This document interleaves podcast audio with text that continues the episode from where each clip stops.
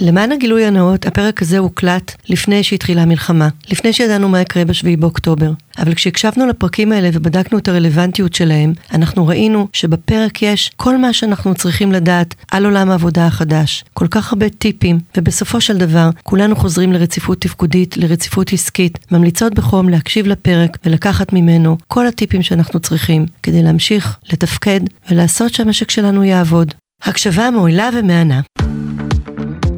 עתיד מזהיר. הכל על חדשנות בעולם העבודה. בהגשת נילי גולדפיין ומלי אלקובי.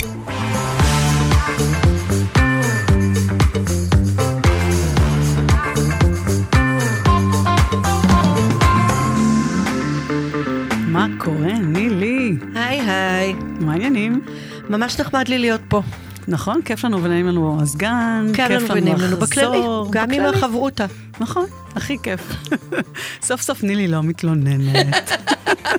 נילי, איך הזיכרון שלך? מה? מאיפה השאלה? הזאת? מעניין אותי.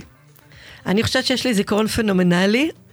אה, השותף שלי חושב שיש לי זיכרון פנומנלי בעיקר לשטויות. הוא לא מבין איך נשאר לי מקום במוח. זיכרון של נשים קוראים לזה. זיכרון של נשים. והבן זוג שלי טוען שאני לא זוכרת ואני רק אומרת שאני זוכרת, ואני זוכרת רק דברים שאני מאשימה אותו. אפרופו תלונות. אפרופו זיכרון של נשים, יפה. והזיכרון שלך אה, עדיין טוב כפי שהיה? לא. מה השתנה? פעם, כל בן אדם שהייתי פוגשת הייתי זוכרת בחיי, כולל שם, ובאיזה ארגון הוא עבד. ועם השנים, כנראה בגלל שפגשתי כל כך הרבה אנשים, ושחייתי כל כך הרבה שנים, טפו, תודה לאל. רוצה עוד. אה, אני לפעמים פוגשת אנשים שאני לא זוכרת, או שאני פוגשת אנשים ואני מייחסת אותם לאיזשהו הקשר אחר. אני רואה שהזיכרון שלי נפגם. נשמע דווקא בקטנה, כאילו רוב האנשים אה, כבר בגיל הרבה יותר צעיר, שזה בערך לפי המחקרים אחרי גיל 30, אה, משתבש אה, המון בזיכרון שלהם, מלשלוף שם של זמר, סרט וכולי, עד בגילאים טיפה יותר מאוחרים כמו שלנו, להגיד, רגע, על מה דיברנו? ורגע, מה הייתה השאלה הראשונה מתוך השלוש שאלות ששאלת אותי? זה לא קורה לך? לא. יפה, אז לא. את במצב מצוין, מעולה. בעיקרון, אחד האתגרים הגדולים ביותר באמת בהיבט אה, אה, שאנחנו מתבגרים, זה, זה גם שאנחנו, הזיכרון אה, משתבש בכל מיני אופנים, גם אפילו בלי קשר לאיזה זיכרון היה לנו שהיינו צעירים טוב יותר או פחות, וזה אתגר בעולם העבודה החדש שלנו בגלל הלמידה. כי דיברנו כאן כל כך הרבה פעמים, כמה זה קריטי ללמוד כל הזמן. והיום אנחנו לומדים גם דברים טיפה יותר מורכבים אפילו, ולפעמים זה בא לידי ביטוי בלאמץ טכנולוגיות חדשות, וכמו שאמרנו, למחוק את הדברים הישנים שלמדנו, ולעשות דברים אחרת לגמרי, ולכן אנחנו צריכים את הזיכרון פה לטובתנו. ובקורס שעשיתי ללמוד איך ללמוד, שהוא אחד הקורסים שדיברנו עליו כאן לא מעט, אה, כי הוא באמת וואו, בקורסרה, אה, היא הזמינה המרצה, פרופסור ברברה אוקלי, אה, אורח, שהוא אחראי על, בין היתר, מחקר בעולם הנוירונים והזיכרון, והוא אומר, אחת השיטות הטובות ביותר ל... ל- כן לשמור תאי זיכרון לאורך זמן, במיוחד של דברים חדשים שלמדנו, זה לעשות הפסקות ולעשות ספורט. ובלי קשר למה שהוא אומר, יש המון המון מחקרים שמראים שגם כל העולם של מוזיקה, ולהקשיב למוזיקה, או לנגן מוזיקה, או ליצור מוזיקה, ובכלל להפעיל כל מיני חושים, יכול מאוד לתרום לזיכרון. אני חושבת שבאמת זיכרון זה, זה קריטי לעולם החדש, כי צריך להשתמש בו אחרת. יש דברים שאת צריכה לזכור, ויש דברים שאת צריכה לשכוח.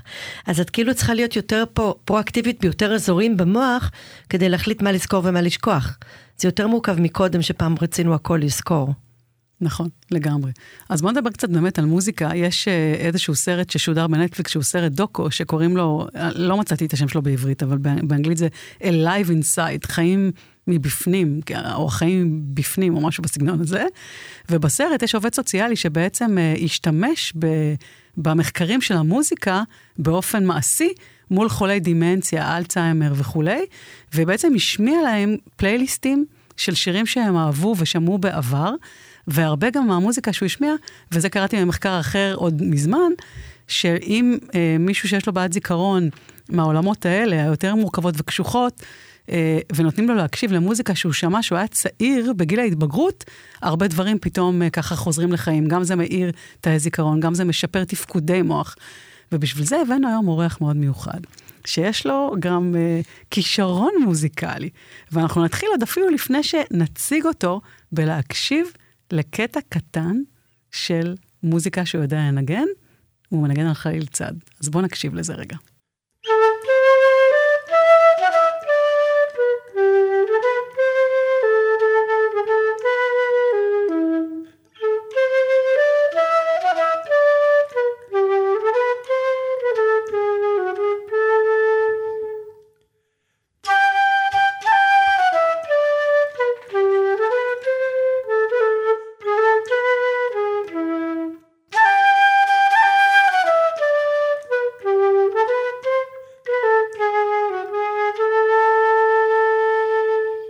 וואו, וואו, וואו, וואו. כפיים! כפיים! לא, לא, לא, לא, לא, לא. איזה כישרון. אז יש לנו כאן את אלון ממלוק, מנהל ההדרכה ומנהל ה-UI וה-UX של חברת אליינטק, וגם מנגן על חליל צעד, שאנחנו, אני ונילי מכירות אותו המון שנים, ושמענו אותו מנגן בהרבה מאוד כנסים, ואלון איש מאוד מיוחד, ואנחנו מאוד שמחות שאתה כאן. אני מאוד שמח להיות פה. אלון, בוא תציג את עצמך. אז אני אתחיל דווקא מהמוזיקה. כי אני מנגן מוזיקה כל החיים. מאז שאני זוכר את עצמי, וזה חלק בלתי נפרד ממני, והחליל לא הולך איתי לכל מקום. פעם הייתי מפריד בין החליל לחיים המקצועיים, היום זה בא איתי לאן שאני לא הולך, ואני גם מנהל הדרכה, המון שנים בעולם הלמידה וההדרכה, מעל 20 שנה, בכל מיני ארגונים, ניהלתי הדרכה בפרטנר, באמדוקס, והיום בליין טכנולוגיות, אני מנהל את ההדרכה ואת, ואת ה-UI UX בתוך חטיבת היתרו. סופר מעניין. הסיפור הזה של המוזיקה תופס אותי במקום טוב, כי אני מסתכלת היום על עולם הלמידה, שאתה ואני חל, חלק ממנו כבר הרבה מאוד שנים, ואני רואה באמת המון המון שינויים שקורים בעולם הלמידה, וחלקם היה ניתן במאוד בקלות לעשות אנלוגיה למוזיקה, אז נחמד שאתה גם מפה וגם מפה. אז בואו נשאל אותך, אנחנו עוד נגיע חזרה לנגינה. מה השינויים שאתה חווה בעולם הלמידה? איפה זה פוגש אותך ואיפה זה פוגש אתכם? אז אני מסתכל ב-20 שנים האחרונות, קודם כל באמת אין מה להשוות את הקצב ואת הרמה של הטכנולוגיות שמקיפות אותנו. אם אני מסתכל על לפני 20 שנה, ניגשה אליי מנהלת ושאלה אם אפשר להוציא את האנשים שלה לקורס פיתוח מנהלים. זה היה קורס של שבוע מחוץ לעבודה ועוד ימים שלמים של הדרכה. אני לא יכול לדמיין את זה היום. וזאת אולי המגמה המרכזית, קצר. הכל הרבה יותר קצר, הרבה יותר מהיר. היום אנחנו מדברים על ימים בודדים, חצאי ימים, על פודקאסטים, אבל קצר, זה כבר לא חלף עם הרוח וטקסטים ארוכים, אלא יותר בית הנייר, באנלוגיה להדרכה, הדרכה מהירה ונטפליקסית. מדהים, הזאת... אתה יודע שאני בעבר הייתי עושה סדנאות של כמה מפגשים, וסדנאות של יום שלם, והיום אין לי את זה בכלל כאופציה. כאילו, כן אפשר כמה פעמים, אבל כל פעם נושאים אחרים, וזה לא יהיה משהו שהוא כאילו סדרתי ארוך מדי, וגם המפגשים עצמם הם מאוד מאוד קצרים. אפילו אקתונים אה, התקצרו לארבע שעות, ולא ל-24 שעות, וזה עובד לא רע. אז זאת המגמה המרכזית שאנחנו, שאנחנו רואים היום, באמת לקצר, אנחנו כולנו בפומו. מפחדים לאבד דברים מסביבנו, והקשר שלנו מאוד מאוד מוגבל. המגמה השנייה היא פרסונליזציה. כמו שביוטיוב, היום יוטיוב יודע בדיוק מה העדפות המוזיקליות שלי ומציע לי, ככה גם היום הטכנולוגיה משרתת אותנו. הלומד נמצא במרכז, יש המון המון אפשרויות למידה, וכל המערכות האלה, מהמדריך האנושי ועד לטכנולוגיות למיניהן, אז כל אלה בעצם מאפשרים ללומד ללמוד באיזה דרך ש... שהוא או היא רוצים. המגמה השלישית היא, אני מסתכל פה מסביב ורואה אותנו עם, עם אוזניות, וזה באמת חלק מזה. אנחנו לומדים היום עם כל החושים. אנחנו שומעים, אנחנו רואים, אנחנו חווים. אני לא מזמן ראיתי טכנאי של פולקסווגן, ששם משקפי VR, מציאות אה, מדומה, ועם זה הוא ניגש למכסה מנוע. וזה בדיוק הראה לו איפה ללחוץ ומה לעשות ומרכיבים של המנוע. כלומר, זו למידה שמקיפה אותך מכל, מכל הצדדים. ואולי המגמה האחרונה והחשובה מכל, אנחנו עוברים מללמוד את המה ללמוד את האיך. מעולם של תוכן לעולם של מיומנויות. ואנחנו יותר ויותר משקיעים במיומנות. דיברתם פה בעבר על המיומנות של ללמוד איך ללמוד, mm-hmm. הזכרת את זה קודם. אנחנו מדברים גם על אג'יליות, איך לעבוד בסביבה אג'ילית ומשתנה, איך לעבוד במציאות מורכבת. אם הייתי בעבר מפתח שמגיע לשבת מול מסך ומתרכז רק בעבודה היומיומית שלי, היום אני יכול להיות בפרויקט אחד ומחר עם פרויקט אחר ולהחליף מנהלים תוך כדי הפרויקט. אני חייב ללמוד לעבוד במציאות משתנה. זאת מיומנות שצריך לפתח אותה, לצד מיומנויות רבות שיכשירו אותנו לעשור הבא. אז בואו תספר לנו, אה, היות וזה עקרונות, זה עקרונות שברור שכולנו מרגישים וחווים כל העת, איפה זה בא לידי ביטוי אצלך בעבודה.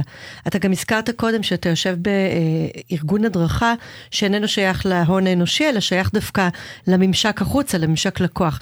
אז בוא, בוא תשתף אותנו קצת, איך זה בא לידי ביטוי בפועל. אחת הפריבילגיות שיש לי בתפקיד ולנו במחלקת הדרכה שלנו, שאנחנו עובדים גם עם עובדים של החברה וגם עם לקוחות. וזה מותח, כי זה מביא אותך לתכנן הדרכה לאנשים באמת ברמה מאוד גבוהה ומאוד מאוד מאוד מגוונים.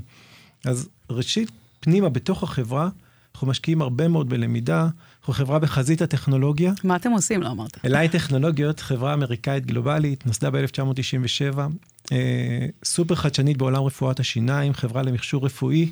המוצר הראשון היה Invisalign, מיישרי השיניים השקופים, וכל הפלטפורמה הדיגיטלית שמאפשרת את זה. בישראל אליין מעסיקה למעלה מ-700 עובדים, מפתחת ומייצרת את הסורק לפנים הפה, שנקרא אייטרו. למעשה ההמצאה היא סורק, סורק דיגיטלי שסורק את הפה ומאפשר לראות את, ה, את הפה, את השיניים בתלת מימד. טכנולוגיה מדהימה. ובאמת, אה, רק דמיינו שאנחנו רגילים בשיחה עם הרופא שיניים לראות את, ה, את התמונות השחורות האלה ברנטגן, פתאום אתה רואה על מסך גדול, צבעוני בדיוק, מה מצב הפה, איך תוכנית הטיפול נראה, ורואים את הלפני ואת האחרי, ותחשבו בכלל על המהפכה הדיגיטלית של הקליניקה. גם הרופא עובר מעבודה ידנית או עבודה של פעם לעולם דיגיטלי שלם. וזה גם אתגר בתוך, אני חוזר ללמידה, אתגר באיך שאנחנו צריכים קודם כל להכשיר את האנשים שלנו. בתוך החברה, לעולמות הטכנולוגיים האלה. יש הרבה מאוד למידה דיגיטלית, הרבה מאוד אחריות על הלומד, להתפתח ולבחור את מסלולי הלמידה שמתאימים להם. אה, בצד שלה, ו- וכמובן הרבה מאוד למידה התנסותית. אחת הפריבילגיות שיש לנו, או שיש הרבה מאוד רופאים אצלנו בחברה, או שפשוט ללכת לבקר רופאים. ואז אתה לומד מתוך התנסות איך נראה העולם הזה של רפואת השיניים. וככל שתלמד יותר, תמיד אפשר ללמוד עוד, ויש אינסוף אפשרויות. אז תן לנו דוגמה לתהליך למידה שעשית ללקוחות דווקא, שמשלב את כל העקרונות שדיברת עליהם קודם. אז ראשית, אנחנו uh, עוברים לסרטונים קצרצרים ופודקאסטים אה, ברור לנו שלאף אחד אין קשב ל, אה, ל, לוידאוים ארוכים ול, ולהסברים ארוכים מדי. אנחנו במגמה של לשנות את התפקיד של המדריך בשטח. במקום להיות מי שמצביע ומסביר איך ללחוץ על כל כפתור, בשביל זה יש את הפלטפורמות הדיגיטליות, בשביל זה יש סרטונים. דווקא הערך של הגורם האנושי הוא לעזור בטרנספורמציה הדיגיטלית הזאת. איך אני מעביר את הקליניקה שלי לתהליכים דיגיטליים. שזה מחבר אותי אולי למגמה אה, ש, שעוטפת את כל, אה, את כל המגמות שהזכרתי עד כרגע בעולם, כרגע בעולם הלמידה, Humanize the Digital. כלומר, איך אני מכניס את הגורם האנושי לתוך כל העולם הדיגיטלי הזה שנמצא שם, ואיך אני משתמש בו בצורה הכי חכמה. גם ברמת התקשורת וגם ברמת הליווי וה mentoring לתהליכים, לתהליכי למידה שקורים בקליניקה. ואתה רואה איזושהי דיפרנציאציה ביכולת של הלומד לקלוט נניח בהבדלים הבין-דוריים, כי אנחנו מדברים גם בפודקאסט הזה הרבה על דור ה-X ודור ה-Y ודור ה-Z ודור האלפא, ומלי קודם שאלה אותי על בעיות הזיכרון שלי, אני בת 60 וחצי. ואין לך בעיות זיכרון. ואין לי בעיות זיכרון. הבחנתי אותך, את עם בלי בעיות זיכרון, לא, לא, יש לי בעיות זיכרון ביחס לעצמי, אבל ביחס לאוכלוסייה... לא, אין לך בעיות זיכרון, נילי. סליחה, אוקיי. זה מטורף. ואני לא מנגנת, ואני לא כל כך מקשיבה למוסיקה, אנחנו תכף נגיע לסיפור של המוסיקה. אבל את עובדת קשה. אז תן לנו איזה פידבק על סוגים שונים של אוכלוסייה והיחס שלהם ללמידה. בהכללה אני אגיד, היום שגם האוכלוסייה המבוגרת יותר, מה שאנחנו קוראים דור ה-X ומעלה, גם להם כבר אין סבלנות ללמידה ארוכה, נכון. ולשבת ולקרוא מאמרים ארוכים. יש יותר משמעת, כי ככה הם למדו פעם. אבל הפיתוי לגשת לסרטונים הקצרים ולמה שנגיש מיד, חל גם עליהם. אני חושב שהדור הצעיר מלכתחילה ניגש כבר ככה ללמידה. כלומר, מלכתחילה יחפש את הסרטון הקצר, את הפודקאסט, אפילו לא ישאל את ה... את המדריך שבסביבה, וזה אולי ההבדל. אבל העקרונות האלה היום קיימים אצל כולם, ואשליה ש... שהמבוגרים לומדים יותר זמן, יותר כי יש להם יותר סבלנות, או שאין להם אוריינות דיגיטלית, אני חווה את זה כ... כן, לפעמים צריך לעזור קצת יותר באוריינות הדיגיטלית, אבל אני חווה שזה הולך ומצטמצם, ו... וכולם מתכנסים לאותם עקרונות. אני מתחברת לזה מאוד, וגם באמת ה-GPT מאוד עוזר, והכלים דומים ל-GPT, כי כאילו יש חוויה חדשה של זה בסדר, לא חייבים גם לזכור את הכל, ולא חייבים גם לדעת הכל, ויש פה איזה עוזר אישי או עוזרת אישית שיכולים לתת לנו כל הזמן ידע וללמד אותנו דברים וללמוד ביחד איתנו. אז זה באמת אה, למידות ומנות קטנות, מאוד אפקטיביות וקצרות. אה, אתה יכול קצת לדבר על הסיפור של החושים? נגיד מהחוויה שלך, באמת, אם אנחנו חוזרים לתחילת הפודקאסט אה, הקצר שלנו, שהוא רק 20 דקות, ועוד רגע נגמר, אה, על החיבור למוזיקה? אז אה, אני אחבר את זה בשני, בשני אופנים. אחד, באמת המוזיקה לוקחת אותך למיומנויות אחרות ממה שאתה צריך ביום-יום. ואתה מצליח לשכלל את המיומנויות האלה, אתה חווה את תחושת ההישג. אני מתייחס למוזיקה ברצינות, ואני לוקח שיעורים מדי פעם, ואני מאתגר את עצמי על ידי מורה, ואני רואה שכשאני מצליח שם, תחושת המסוגלות שלי עולה, וזה משפיע לי גם על היומיום האחר שלי, בעבודה המקצועית. הדבר השני זה שהמוזיקה גורמת לך לעסוק בדברים אחרים. בעולם של משפטים ומילים, אתה בעולם של צלילים ותווים. זה משהו אחר. ואתה מפעיל חלקים אחרים במוח, ולפחות אני מרגיש שזה קצת כמו ריסטארט. ואז כשאני מגיע להתרכז בדברים אחרים, אז אני הרבה יותר חד והרבה יותר ממוקד, ולא שחוק מיום שלם שבו אני מתעסק רק, ב, רק במלל. אז זה עבודה על כל החושים בהשוואה של מוזיקה והיומיום המקצועי שלנו. מדהים. אנחנו באמת צריכים לארוז עם, עם כלים וטיפים אה, באמת קצת יותר פרקטיים ויומיומיים למאזינים שלנו, שככה בעצמם מפתחים את עצמם ולומדים בתוך ארגונים או באופן עצמאי. ובאמת אני רוצה להתחבר למה שאמרת, במקום הפרדוקסלי, דווקא כשאנחנו נמצאים בעומס, ודווקא כשאנחנו נמצאים באזורים שבהם אנחנו עכשיו עושים איזשהו פרויקט חדש וצריכים ללמוד הרבה, או נלך על סינדרום הסטודנט הקלאסי באוניברסיטה, המחקרים מראים שה... דרך דווקא באמת לשפר את הזיכרון ולשפר את האפקטיביות של הלמידה, זה לעשות כאן הפסקות ולעשות דברים אחרים. וגם לנוח, ולאכול כמו שצריך, ולישון כמו שצריך. כאילו הדברים הכי בסיסיים בסוף הופכים להיות מאוד מאוד קריטיים לתקופה, לתקופה הזאת של למידה והתפתחות. אז באמת תאמצו את הכלים של אה, הפסקות אלפא, דיברנו עליהם כבר בכל מיני פרקים, אני רגע אזכיר את זה כי זה נורא מתחבר לפרק הזה. כשאנחנו עושים הפסקה קוגניטיבית, ושהמוח שלנו לא חושב על דבר אחד, נגיד למדתי משהו חדש, התרכזתי, התרכזתי, התרכזתי, אחלה. עכשיו אני רוצה דווקא להעלות את הזיכרון שלי ואת ההפנמה של החומר, כי בסוף אנחנו לומדים, ואנחנו צריכים רגע לייצר איזה קשרים חדשים בתוך המוח. אז לצאת להפסקה, שזה אומר להקשיב למוזיקה, ללכת לטיול עם הכלב, לשטוף כלים, אה, לצאת רגע לשמש, זה מעלה את הסיכוי שיהיה לי יותר גלי אלפא, ושגלי האלפא עולים במוח, הרעיונות הכי טובים עולים מהתת מודע למודע, והקשרים החדשים נוצרים במוח. אז תשתמשו באמת ברב חושיות ובהפסקות כדי ללמוד באופן יותר אפקטיבי. ואני רוצה להגיד שאחד הדברים שאני מתרשמת מאלון כל השנים שאני מכירה אותו, זה באמת כמה הוא יודע לעשות העברת חדשנות מהמוסיקה לעבודה ומהעבודה למוסיקה. אז אני חושבת שכל אחד מאיתנו שיכול לאמץ תחביבים שאינם קשורים בחיים המקצועיים, אלא במשהו אחר לחלוטין, אנחנו יכולים לגרום לעצמנו לחיווטים חדשים במוח ולהיות הרבה יותר יצירתיים במה שאנחנו עושים. ואני רוצה לקחת משפט ממה שאלון אמר, הוא אמר, Humanize the דיגיטל. אנחנו כל כך דיגיטליים היום שאנחנו לפעמים שוכחים שלמידה נעשית גם באמצעות המגע, המילה, העין הטובה, ולהכניס יותר אנושיות בעולמות הלמידה שלנו ויותר משחקים של פעם. כי בסוף אנחנו לא מחשב, אנחנו בני אדם. תודה לאל. ואני אגיד, כן. לא להפסיק ללמוד, אבל לא רק ללמוד, להציב מטרה ולהרגיש שיש תחושת הישג שאני משיג אותה. בלמידה זה כל כך משמעותי, אותה הכרה, כמו שאנחנו נהנים לקבל, תעודה קטנה, mm-hmm. איזשהו, הצלחה באיזשהו uh, תרגיל, זה בדיוק זה, וככה אנחנו מפתחים את עצמנו בלי הפסקה, ולא להפסיק ללמוד. אני אתחבר מאוד וארוז את זה עם עוד חיזוק למה שאתה אומר, אפרופו תגמול וחיזוק, שאנחנו מקבלים תגמול על משהו וללמוד דברים שמעניינים אותנו, זה מתגמל את המוח.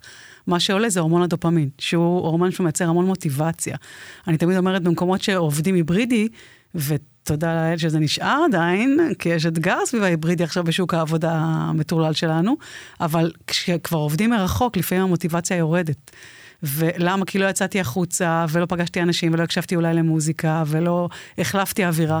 ולהתחיל את יום העבודה מרחוק, דווקא בלמידה של דברים שמעניינים אותנו ומסקרנים אותנו, מוכח מחקרית, מעלה דופמין, ואז זה כזה זריקה חמודה וטובה של מוטיבציה להתחיל את הבוקר איתה. אז לשמוע מוסיקה בבוקר, ותודה רבה שהייתם איתנו, ותודה לך, אלון, שבאת. ונתראה בפרק הבא. תודה רבה, יאללה ביי. עתיד מזהיר, הכל על חדשנות בעולם העבודה. בהגשת נילי גולדפיין ומלי אלקובי.